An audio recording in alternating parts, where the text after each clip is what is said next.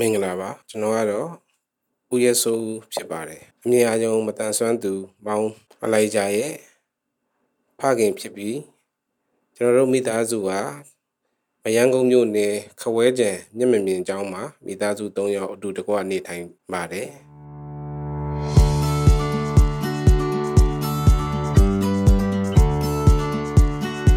ကျွန်တော်တို့ MCA network ရဲ့ရီမမော်ပေါ်ပပ pocket အစီအစဉ်ကနေခေါင်းစဉ်သစ်တစ်ခုအနေနဲ့ဖန်တီးတင်ဆက်လိုက်တာကတော့ဖခင်များရဲ့စကားသံအစီအစဉ်ပဲဖြစ်ပါတယ်။ဟုတ်ပါတယ်။ဖခင်တွေဆိုတာကမိခင်တွေလောက်သားသမီးတွေနဲ့အနီးကပ်နှွေးနှွေးထွေးထွေးနေနိုင်ကြသူတွေမဟုတ်တလို့သားသမီးတွေအပေါ်ချစ်တဲ့အချစ်တွေကလည်းရှင်တွေကနေပဲချစ်တတ်ကြပါတယ်။ဖွင့်တွေပြီးတော့ထုတ်ဖို့မပြောတတ်ကြပါဘူး။ အဲသားသမီးတွေဆိုရင်လေဖခင်ချက်မိခင်ကိုသာပို့ပြီးတော့တွေ့တာတက်ကြတာမို့လို့ဖခင်တွေရဲ့ပုံရိပ်ကမင်းမင်းပြောက်ကွယ်နေတတ်ကြပါတယ်ဒါကြောင့်ဒီအစီအစဉ်ကိုမတန်ဆွမ်းဖခင်တွေကိုယ်တိုင်နဲ့မတန်ဆွမ်းသူတွေကိုမွေးထုတ်ထားတဲ့ဖခင်များရဲ့ခံစားချက်တွေဘဝအတွေ့အကြုံတွေဆွေးနွေးခြင်းတဲ့အကြောင်းအရာတွေမြောက်များစွာကိုပွင့်ပွင့်လင်းလင်းဖော်ထုတ်နိုင်ဖို့အတွက်ရည်ရွယ်ပြီးတော့မှတင်ဆက်လိုက်ရခြင်းဖြစ်ပါတယ်။ ဒီအစီအစဉ်ကိုစိတ်ပါဝင်စားကြတဲ့မတန်ဆွမ်းဖခင်တွေကိုယ်တိုင်နဲ့မတန်ဆွမ်းသူတွေကိုမွေးထုတ်ထားတဲ့ဖခင်များအနေနဲ့ဒီအစီအစဉ်မှာပါဝင်ခြင်းနဲ့ဆိုရင်တော့မိမိတို့ရဲ့ခံစားချက်ရှင်တွင်းဖြစ်စကားသံတွေနဲ့အတူဖန်တီးဆွေးနွေးလိုတဲ့အကြောင်းအရာပေါင်းများစွာကိုမိမိတို့ပြောဆိုတင်ဆက်လိုတဲ့ခန္ဓာရဲ့အလိုက်ပါဝင်တင်ဆက်နိုင်ပါပြီ။ ကဲအခုချိန်ကနေစပြီးတော့ကျွန်တော်တို့ MCA network ကိုအတန်ဖိုင်များပေးပို့ပြီးတော့ဆက်သွယ်နိုင်ပါပြီဆိုတာကိုဒီနေရာကနေနှွေးထွေးလိုက်လဲစွာအတိပေးဖိတ်ခေါ်လိုပါတယ်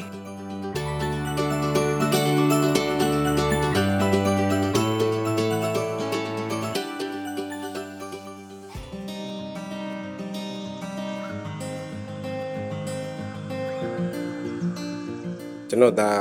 တူးစီတော့သားလေးဖြစ်ပါတယ် ဒီသားရဲ့အမြင်အယုံမတန်ဆွမ်းစဖြစ်ပုံကိုပြောရမယ်ဆိုရင်သူ့ကိုမွေးမွေးခြင်းမှာသူမွေးပြီးလို့ကြားတဲ့အခါမှာကျွန်တော်ဆေးရုံလိုက်သွားပြီးတော့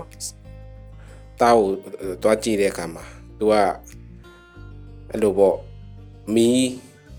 အပူပေးတဲ့အုပ်ဆောင်အထဲထဲမှာသူနေတော့ကျွန်တော်အတန်ပေးတဲ့အခါသူကျွန်တော်ကိုပြန်ကြည့်တယ် ကြည့်တဲ့အခါသူ့ရဲ့မျက်လုံးအနက်ဆန်လေးမှာအဖြူဆက်ဟိုဘက်ဘယ်မှာတစ်ခုညာဘက်မှာတစ်ခုတွေ့တဲ့အခါသူ့အမေကိုကျွန်တော်ပြောတယ်တားရဲ့မျက်စိမှာတော့ဒီလိုပါတယ်ဘာဖြစ်တာလဲမသိဘူးဆိုတော့လူကြီးတွေကအဲ့ဒါအဲ့လိုမီစလောင်းရဲ့အယောင်မှာဆိုပြီးတော့ပြောတော့ဒီတိုင်းပဲနေလိုက်ပြီးကျွန်တော်တို့သူအဲ့မိဖွားပြီးတော့ 3ရက်လောက်ကြာတော့အလုပ်စင်းုံစင်းလို့ရပြီဆိုပြီးကျွန်တော်တို့စင်းုံစင်းလာတယ်အိမ်ရောက်တဲ့အခါကျတော့ဒါလည်းအဲ့ဒီဥစ္စာကိုကြည့်တဲ့အခါမှာအဲ့ဒီတိုင်းတွေ့တော့အမဖြစ်ချေဘူးဒါကျွန်တော်တို့စေကံသွားပြမယ်ဆိုပြီးတော့စေကံသွားပြတယ်အဲ့ဒီချိန်မှာစေကံသွားပြတော့စေကံကဒေါက်တာကအာအဲ့ဒါအတွင်းတိမ်ပါလာတာဖြစ်တယ်အဲ့ဒီအတွင်းတိမ်ကိုခွဲဖို့လိုတယ်ဆိုပြီးပြောတယ်ဆိုပြီး သူ့ကိုခွဲတဲ့အခါကျတော့သူ့ရဲ့အသက်က၄လသားပဲရှိသေးတယ်၄လသားမှခွဲတော့ကျွန်တော်တို့မိဘတွေရစိုးရိမ်ပြီးဆရာဝန်တွေညွှန်ကြားတဲ့အတိုင်းခွဲရမယ်ဆိုတော့ခွဲတယ်ခွဲပြီးတော့အိမ်ကိုပြန်ရောက်တယ်တပတ်လောက်နေတဲ့ခါကျတော့ကလေးကငြိမ်ငြိမ်မနေဘူးဟိုယုံလိုက်ဒီယုံလိုက်နဲ့ဘယ်ဘက်မျက်စိကိုသူပုတ်မိတဲ့ခါဘယ်ဘက်မျက်စိမှာရှိတဲ့မျက်ကြည်တော့တွန့်သွားအောင်တွန့်သွားတော့ဟာစင်းုံတစ်ခါပြန်သွားပြီးအဲ့ဒီမျက်လုံးတွန့်သွားလို့ပြန်လုပ်ပေးပါဆို operation တစ်ခါထပ်ပေးပြီးတော့ သူ့ရဲ့မျက်စိကိုတခါပြန်ပြီးအဲ့ဒီတွန့်သွားတဲ့ဥစ္စာကိုပြန်ဖြီရတယ်ဖြီပြီးကျွန်တော်နေတဲ့အခါမှာပါ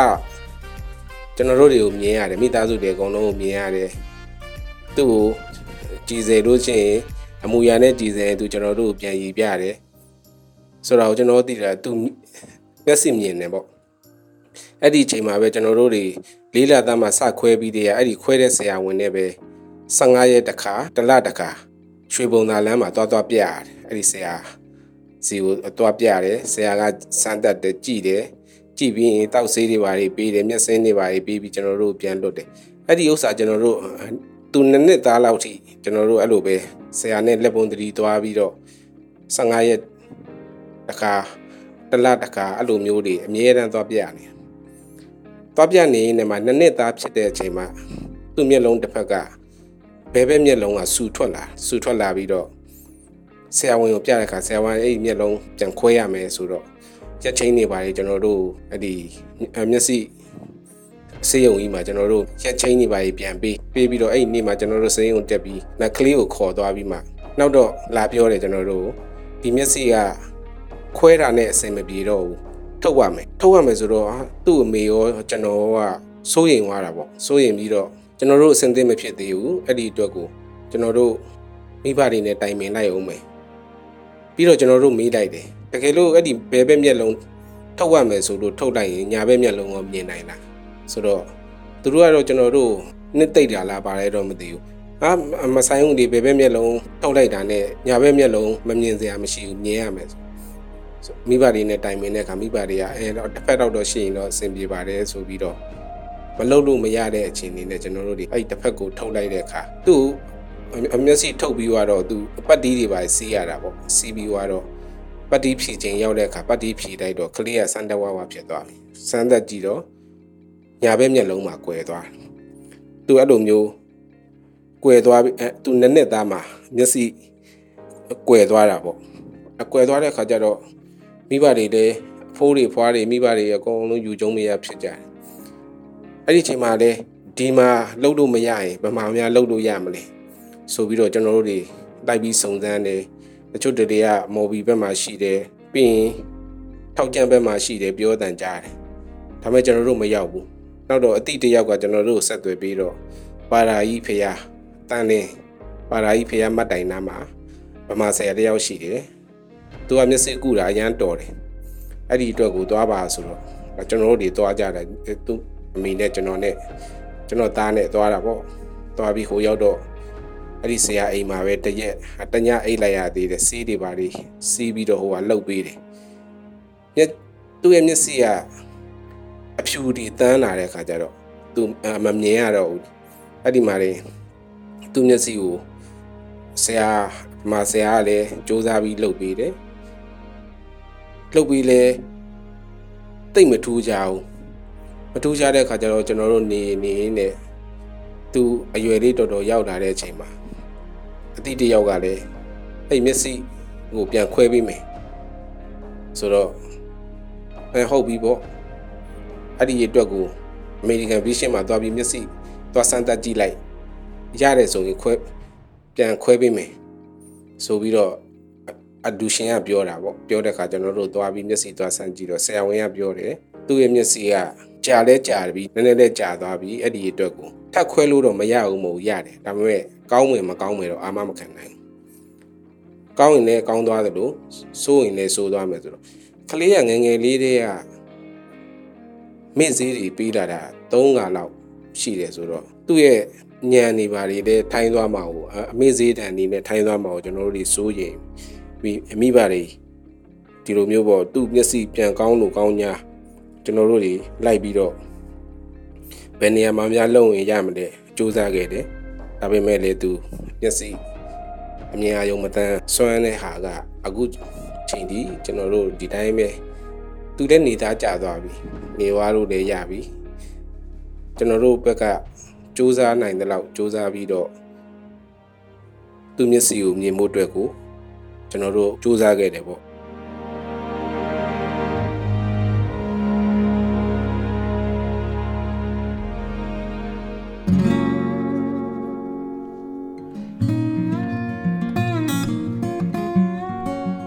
ပြီးတော့သူမျက်စိမမြင်တော့ဘူးလို့ဖြစ်တဲ့ခါမှာတော့မျက်မမြင်ကြောင်းသူထားရတော့မယ်အဲ့ဒီအချိန်မှာလဲ तू ကအသက်က9နှစ်လောက်ဖြစ်နေပြီသူမျက်စိမမြင်တော့ဘူးဆိုတာသိပြီးတဲ့အခါမှာမျက်မမြင်ကြောင်းလည်းရှိတယ်ဒါပေမဲ့မျက်မမြင်ကြောင်းကိုကျွန်တော်တို့ကမရောက်ဘူးမျက်မမြင်ကြောင်းဘယ်လိုသွားမလဲမသိဘူးပြီးတော့သူ့အမေကသူ့သားကိုအရန်အရန်ကယူဆိုင်တယ်စိုးရိမ်စိတ်တွေများပြီးတော့မျက်မမြင်ကြောင်းသွားရင်ငါသားအဆင်ပြေပါမလား ဘယ်လိုစားမလဲဘယ်လိုနေမလဲသူတယောက်တည်းအဆင်ပြေပါမလားဆိုပြီးတော့မျက်မမြင်ကြောင်းလွတ်ဖို့အတွက်ကိုသူကမလွတ်ချင်ဘူးမဟုတ်ကျွန်တော်ကတော့သားကိုသွားစေခြင်းတယ်ဘာကြောင့်လဲဆိုတော့ကျွန်တော်တို့ကသူ့နဲ့အချိန်ပြည့်ရှိခဲ့မှရှိမှာမဟုတ်ဘူးတနေ့အချိန်ကျွန်တော်တို့ဆုံးပါသွားတဲ့ချိန်မှာသူ့ချစ်တော်ကိုသူရက်တည်နိုင်ဖို့အတွက်ကိုကျွန်တော်တို့ကသူ့ကိုမျက်မြင်မြင်ကြောင်းသွားစေခြင်းတယ်သူလည်းသွားခြင်းလောက်အောင်ကျွန်တော်သူ့ကို သူသူသွားခြင်းနဲ့အကြောင်းအရာလေးတွေနဲ့ပြောပြီးတော့သူ့ကိုမျက်မြင်မြင်ကြောင်းသွားဖို့အတွက်ကျွန်တော်တိုက်တွန်းတယ်အဲ့ဒီအချိန်မှာသူခုနှစ်နှစ်သားမှာဒီမျက်မြင်မြင်ကြောင်းကိုစပြီးတော့သူရောက်တယ်နှခွဲတဲ့မျက်မြင်မြင်ကြောင်းကိုသူစရောက်ပြီးတော့အဲ့ဒီနှစ်မှာပဲသူကျောင်းဆက်တက်တယ်ပေါ့ကျောင်းဆက်တက်ပြီးတော့တနေ့တန်းကိုသူမမှန်လေးအောင်သွားတယ်10တန်းဟိုလည်းနှစ်ချင်းပေါင်းနဲ့အောင်မြင်ခဲ့တယ်ပေါ့အခုချိန်မှာဆိုရင်သူ နောက်ပိုင်းတက္ကသိုလ်လိုင်းသားရမှာအီးမေဂျာနဲ့ပထမနှစ်ကိုသူတက်နေပြီးတော့ကိုဗစ်တွေဖြစ်တဲ့အခါမှာကျောင်းတွေပိတ်ပြီးအခုချိန်မှာတော့သူကျောင်းမတက်တော့ဘဲနဲ့အလုပ်လုပ်နေမတန်ဆန်းရှေ့ဆောင်ဌာနမှာသူ audio engineer အနေနဲ့ကျွန်တော်သားကသူအလုပ်လုပ်နေတယ်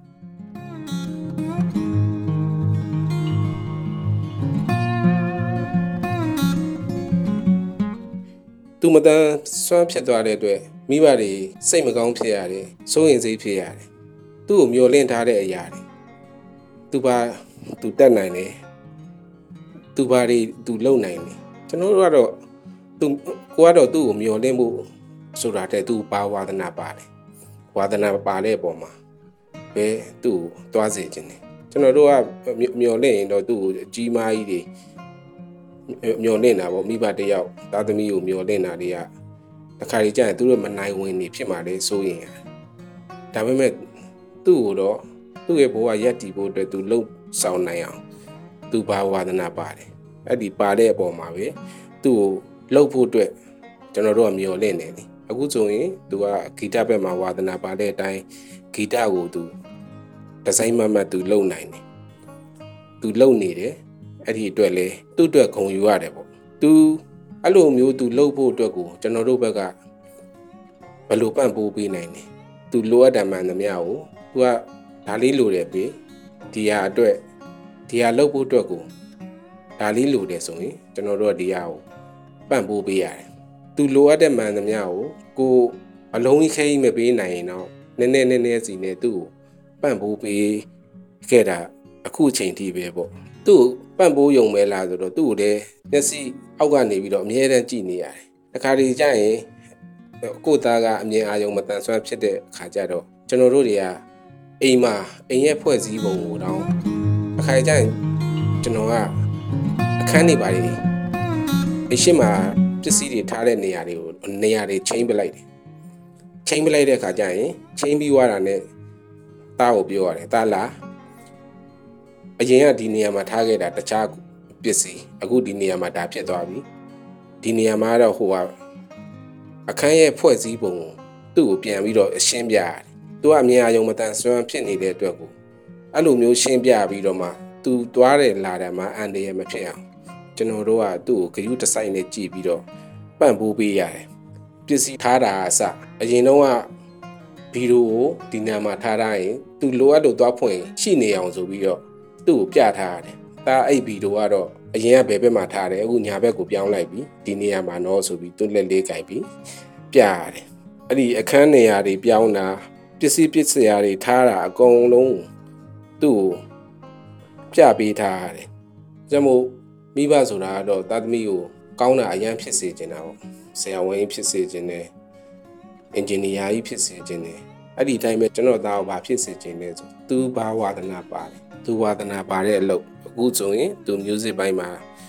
ထူးထူးချွန်ချွန်နဲ့သူလုပ်နေပြီ။အဲ့ဒီအပေါ်မှာကျွန်တော်တို့ကသူဝါသနာပါတဲ့ဂီတပေါ်မှာပဲသူ့ကိုဒီဇိုင်းမမပန့်ပိုးပြီးတော့လှုပ်သွားစေခြင်းတယ်သူဝါဒနာပါတဲ့အဲ့ဒီဂီတမှာဘာတွေလိုအပ်လဲလိုအပ်ချက်တွေကိုကျွန်တော်တို့ကဖြည့်ဆည်းပေးမယ်သူ့ရဲ့ဘဝသူရက်တည်ပြီးတော့သူ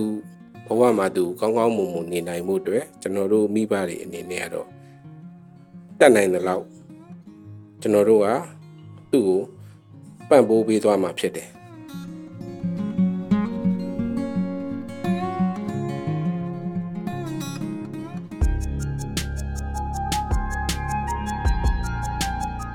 သားဆိုရင်ကျွန်တော်နဲ့သူကအမြဲတမ်းလက်ပွန်းတတိနေတယ်အပြင်သွားတာအစသူအပြင်သွားတိုင်းကကျွန်တော်ပါတယ်တခါလေကျရင်ဖះเจ้าနေဖိတ်လို့တချင်းနေသွားဆိုရင်လည်းကျွန်တော်ပါတယ် သူနဲ့ကျွန်တော်နဲ့အနီးကပ်ဆုံးနေတယ်တယောက်တယောက်စလိုက်နောက်လိုက်သားဖဆိုရင်ပဲကျွန်တော်တို့နေတာတငယ်ချင်းတို့အဲ့လိုနေတာများတယ်ကိုကဖခင်ဖြစ်တဲ့အတွက်သူကိုပြောတာပဲဖြစ်ရမယ်တော့မဟုတ်ဘူးသူ့ရဲ့ပြောလာတဲ့စကားပုံမှာလည်းကျွန်တော်တို့ကပြန်ပြီးနားထောင်ပေးရတယ်သူဘာဖြစ်ချင်လဲသူဘာလုပ်ချင်လဲသူဘာလိုအပ်တယ်အဲ့ဒီအပေါ်မှာကျွန်တော်တို့ကနားထောင်ပြီး သူ့ကိုကျွန်တော်တို့ယနေ့ချိန်ကြီးပြုစုပြောထောင်လာတာတားနဲ့ပတ်သက်ပြီးအမတ်တရားတွေဆိုတာအများကြီးပဲကျွန်တော်ပြောရမှာဒါပေမဲ့အဲ့ဒီအမတ်တရားတွေထဲမှာအ ਨੇ ချင်းကိုပြောရမှာဆိုရင်တားငယ်ငယ်လေးတွေကသူကဂီတကိုဝါသနာပါတယ်သူလေးလာသားမှာမျက်စိခွဲတဲ့အခါသူ့မိနဲ့ကျွန်တော်နဲ့ကတားတော့မျက်စိခွဲပြီးသူခွဲစိတ်ကန်းထွက်လာပြီးမိစည်းတွေပဲပြည်သွားတဲ့ခါကျမျက်စိနာပြီးသူငုံမှာငိုရင်ဘယ်လိုလုပ်ရမလဲဆိုပြီးစဉ်းစားတဲ့အခါ ဘာစဉ်းစားမိတယ်ဆိုတော့ तू ကတချင်းရမ်းကြိုက်တာငယ်ငယ်လေးတည်းသူ့တချင်း तू ကတချင်းနားထောင်တော့အဲ့ဒါနဲ့ကျွန်တော်အရင်တော့ကသုံးတဲ့ကက်ဆက်လေးအခွေလေးထည့်တဲ့ဟာလေးမင်္ဂလာဈေးမှာသွားဝယ်တယ်သွားဝယ်ပြီးတော့သူကြိုက်တဲ့အခွေလေးလေးပြူရဲ့ခွဲကန်းကိုမြန်မြန်ပို့ပါဆိုတဲ့အဲ့ဒီအခွေလေးကျွန်တော်ဝဲလာတယ်ဝယ်လာပြီးတော့အဲ့ဒီအိတ်ကက်ဆက်ထဲမှာလည်းတက်ခဲထက် ခွေလေးထည့်ထားပြီးအစင်သင့်လောက်ထားတယ်ဒါမေးစည်းပြေပြီးနည်းနည်းလှုပ်လာတဲ့ခါကျတော့အဲ့ဒီတချင်းလေးဖွင့်ပြီးသူ့ရဲ့ရင်ဘတ်လေးပေါ်တင်ထားတော့သူမငိုဘူးအဲ့ဒီအတန်လေးကိုသူနားထောင်ပြီးတော့သူငြိမ့်နေတာပဲဆိုတော့အဲ့ဒီဥစ္စာကိုကြည့်ခြင်းရမယ် तू ကဂီတဝင်ငယ်လေးတည်းကမျက်နှိုးနေဆိုတာကျွန်တော်တို့အမတ်တရဖြစ်ရတယ်နောက်တော့ तू 9နှစ်သားမှကျောင်းတက်တယ်ဒီခဝဲတဲ့မျက်မမြင်ကျောင်းရောက်ပြီးကျောင်းတက်ပြီးတော့9နှစ်သားရဲ့အနှစ်အလယ်လောက်မှာ तू ကအပားတဲ့တောက်ဂီတဝယ်ပေးတယ်မင်းအောင်ဂီတဝယ်ပေးအောင်မင်းကဂီတမှမတီးတတ်သေးတယ်ဘာလုပ်မှာလဲဟုတ်တီးတတ်တယ်ဝယ်ပေးတယ်ဆိုတော့အင်းပြီးရောလို့ဆိုပြီးတော့ပါရဲ့ကျွန်တော်ရဲ့ဂီတဆိုင်ကိုသွားတယ်။ဟိုရောက်တော့ဂီတရောင်းတဲ့ဆိုင်ကကျွန်တော်ဂီတကျိုးညှိပေးလိုက်ရမလားတဲ့ဆိုတော့တာ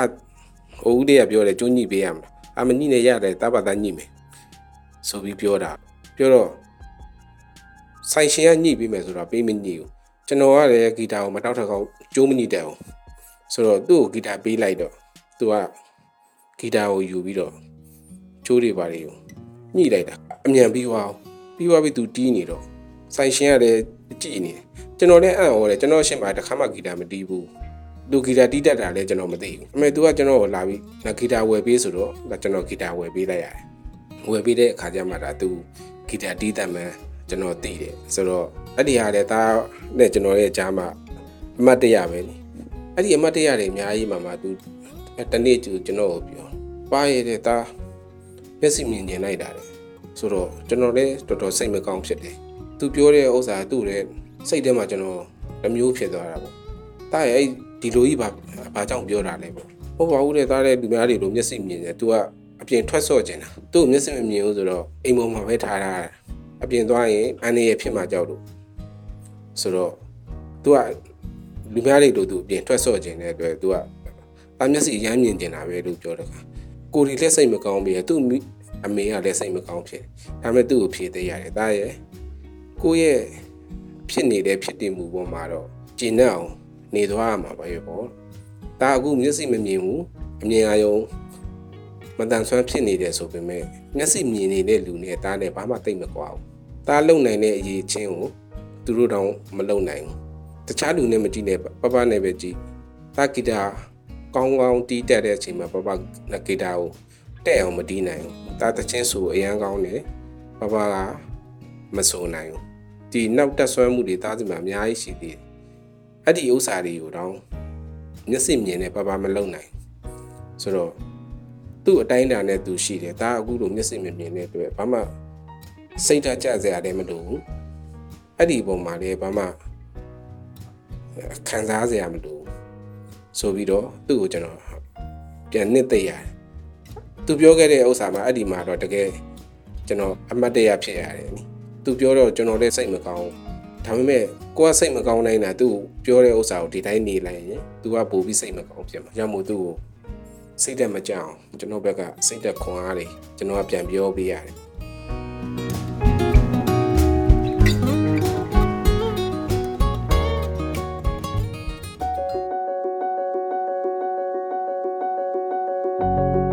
အဲ့ဒီအဟာကတော့မိဘတွေအတွက်အများကြီးအရေးကြီးတယ်။ဘာကြောင့်လဲဆိုတော့မတန်ဆွမ်းသားသမီးတွေအတွက်ကိုမိဘတွေကပံ့ပိုးကူညီမှုလုပ်ရမယ်။တချို့တွေကဟောသားသမီးကမတန်ဆွမ်းဖြစ်တဲ့အခါသူတို့ရဲ့လိုအပ်ချက်တွေအာသူကတော့မလိုပါဘူး။မျက်စိမြင်တဲ့အကိုတွေအမတွေအတွက်ပဲလိုတယ်။သူ့ကိုကြတော့ဒီတိုင်းဟောသူက မတန်ဆွမ်းပဲဒီလောက်မလိုပါဘူးသူတို့တွေရတာအပြင်သွားနေတဲ့အတွက်လိုတယ်ဆိုတဲ့အတွေးခေါ်မျိုးတွေရှိကြတယ်ဒါပေမဲ့အဲ့ဒီအတွေးခေါ်တွေကမှားတယ်ဘာကြောင့်လဲဆိုတော့မတန်ဆွမ်းသားသမီးတွေအတွက်လည်းမိဘတွေရဲ့ပံ့ပိုးမှုကအရန်အရေးကြီးတယ်တချို့တွေဆိုရင်ဟိုးတောတွေမှာနေတယ်နေပြီးတော့သားသမီးအမြင်အယုံမတန်ဆွမ်းဖြစ်တယ်ရန်ကုန်လာပြီးဘယ်နေရာမှာကြောင်းရှိတယ်ဆိုတာသူတို့မစုံစမ်းဘူးမစုံစမ်းမဲ့နဲ့ သူကအမြင်အရုံမတန်ဆွမ်းဖြစ်တာပဲဆိုပြီးအိမ်ထဲမှာဒီတိုင်းပဲသူ့ကိုထားထားတယ်ထားထားတဲ့အခါသူအချိန်တန်အရွယ်ရောက်လာတဲ့အခါသူ့မှာအမြင်အရုံမတန်ဆွမ်းသူတွေရဲ့တက်အပ်တဲ့ပညာလည်းသူမတက်ဘူးចောင်းစာလည်းသူမတင်ရဘူးဆိုတော့သူ့အတွက်တော်တော်ကြီးကိုထိခိုက်သွားတယ်တချို့တည်းတည်းအရွယ်ရောက်တော့မှအာမျက်မျက်မြင်ချောင်းကိုပို့ချင်လိုက်တာဆိုတော့အဲ့ဒီအချိန်ကအချိန်လင့်နေပြီအရွယ်ကတော်တော်ကြီးကို လွန်သွားတဲ့အခါအဲ့ဒီအတွက်ကိုမိဘတွေကကိုသားသမီးကဘာမတန်ဆွမ်းဖြစ်နေလဲမြင်ရယုံမတန်ဆွမ်းလားအကြားလားအဲ့ဒီအပေါ်မှာမိဘတွေကိုနိုင်ကသားသမီးကိုဂယုစိုက်ပြီးတော့သူ့ရဲ့ဆိုင်ရဆိုင်ရအကြောင်းကိုပို့ရမယ်သူ့ဘဝသူရက်တည်ဖို့အတွက်ကိုယ်တွေမရှိခဲ့တဲ့အချိန်မှာသူတို့ဘဝသူတို့ကောင်းကောင်းမွန်မွန်ရှောက်ဖို့အတွက်ကိုကိုယ်တွေဘက်ကပံ့ပိုးရမယ်ထောက်ပံ့ပေးရမယ် သူတို့ရဲ့ပြောစကားကိုနားထောင်ပေးရမယ်သူတို့ကိုအမြဲတမ်းဂရုစိုက်ပြီးတော့လှုပ်ပေးရမယ်အဲ့ဒါမှလေသူတို့တွေကစူးစားခြင်းစိတ်တွေဖြစ်လာမယ်ပြီးရင်အမြင်နေနဲ့လေရင်မောင်တန်းအောင်သူတို့ကမတန်ပေမဲ့စွမ်းတဲ့လူတွေဖြစ်တယ်အဲ့ဒီအတွက်ကိုသူတို့ကိုဂရုဏာထားပြီးတော့မိဘတွေကဂရုတစိုက်နဲ့ပံ့ပိုးကူညီဖို့ထောက်ပံ့ပေးဖို့သူတို့ကိုနားလည်ပေးဖို့အရေးကြီးတယ်ဆိုတဲ့အကြောင်းကိုကျွန်တော်အနေနဲ့အနေငယ်ပြောကြားလိုပါတယ်ကျေးဇူးတင်ပါတယ် thank you